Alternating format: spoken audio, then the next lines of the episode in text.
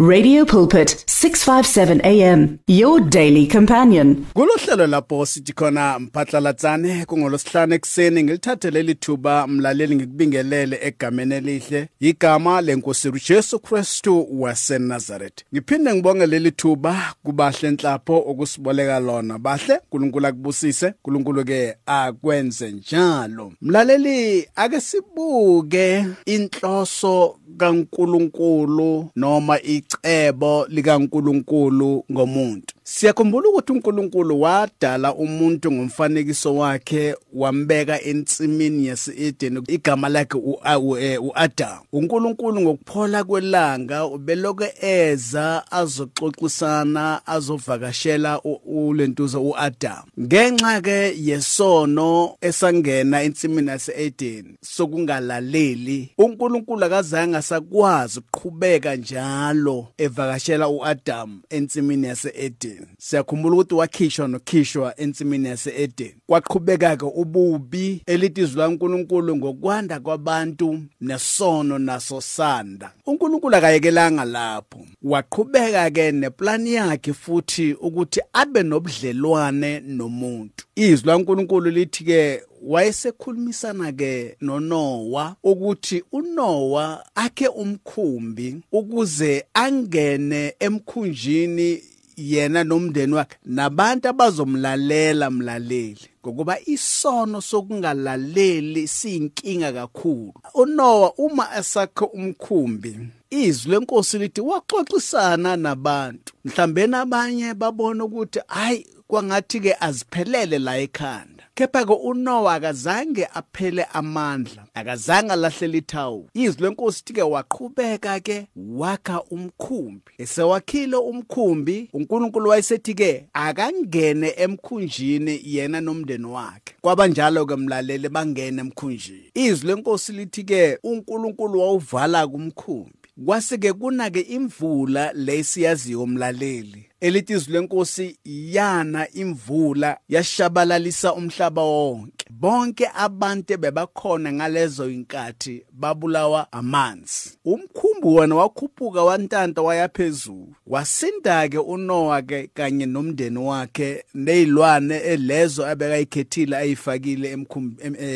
emkhunjini. Izwi lenkosi lithi ke maqede uNkulunkulu uma amanzi esehlile. Kwayikhona kuNoah ke ephuma. Ake sizwe ukuthi uNkulunkulu uthini kuNoah kuGenesis chapter 9 verse 8 isiyogcina lapha ku verse 9 Genesis chapter 9 from verse 8 uNkulunkulu wakhuluma kuNoah nakumadodana akhe enaye wathi bhekani mina ngiyamisa isivumelwane sami nani nenzalo yenu emva kwenu. Usuyabona ke mlaleli ukuthi uNkulunkulu umthanda ngendlela engakazwe ibone umuntu. Uyathanda ukuba nobudlelwane nomuntu. Kunoba umuntu ongalaleli futhi umuntu ongazwisisi umuntu okhohliswayo aphinda akhohliseke naye. Kepha ke icebo likaNkuluNkulu ukuthi abe nobudlelwane nomuntu abe naye mlaleli ngaso sonke isikhathi. Akafani nabanye uNkulunkulu abakuflathelayo abakumela ngenyawo elilodwa abakubangela amashwa. Kepha uNkulunkulu uyamazi umuntu ngenxa ukuthi udale uyena. Labo uNkulunkulu abakuflathelayo akubona bonkulunkulu abakudalileyo. Labo uNkulunkulu abakumela ngonyawo olodwa akubona uNkulunkulu abakudalileyo. uNkulunkulu okudalileyo yilo mlaleli. Izwi lenkosi lithi ke sekwenzekile konke. Siyakhumbula even nendodana kaAdam yabulala umfowabo. Uyabona ukuthi isono sasithethe indawo ngendlela engakazo ibo kepha uNkulunkulu akalahlanga ithemba emntwini. Kungako namuhla usasizwa nathi sithi ke uNkulunkulu uluthando kungenxa ukuthi ke akazange alahle ithawu akazange mlalele alahlekelwe yithemba emntwini. Nanoma sesenze izono ezingakanani kepha uNkulunkulu usenenhloso ngeimpilo zethu. Lapho ekhaya mlaleli ungeze umuntu akukhohlisa uNkulunkulu usenenhloso ngempilo yakho.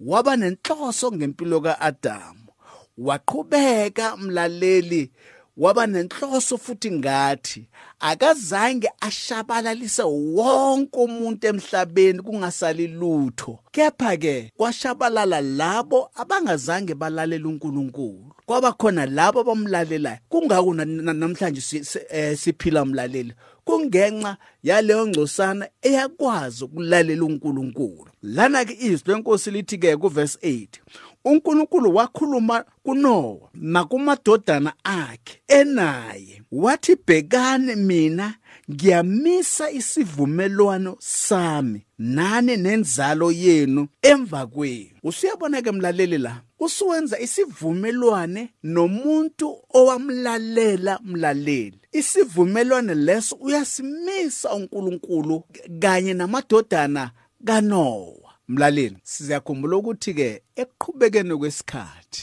izwi lenkosi lithi kunendodana eyabona ubaba wayo engcunu ehambazi leyo ndodana kuthiwa uhama wayesehamba ke wayetshela abafowabo. Ngendlela abatshele ngayo kuyabonisa ngempela ukuthi ke nenhlonipho ibingekho. Izwi lenkosi lithi abafowabo abazange babheke ubuze noma ubungcunu bukababo wabo izwi lenkosi lithi ke bathatha ingubo baflathela bayanyovana bengabukile bayomboza uyise bemboza ubungcunu bakhe.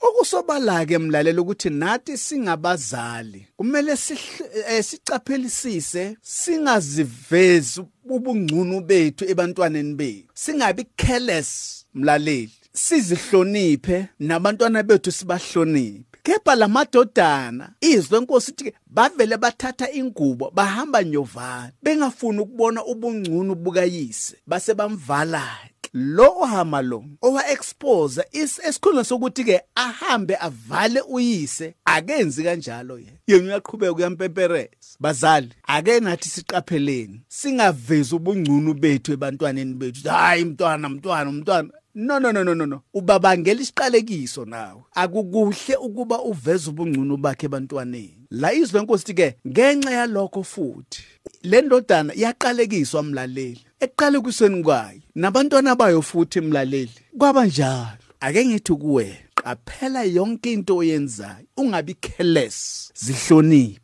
ukuze abantwana bakho bangazoba ngaphansi kwesiqalekiso. Ngenxa yesikhathi ake sithatheke leli thuba mlaleli siliphindisele kulowo osiboleke lona. Ubahle-ke wakanhlapho bahle intambo sekwezakho baba yilapha ekhaya mlaleli. Share the love. Share the truth. Share the life on 657 AM. The search continues for top quality South African Christian music.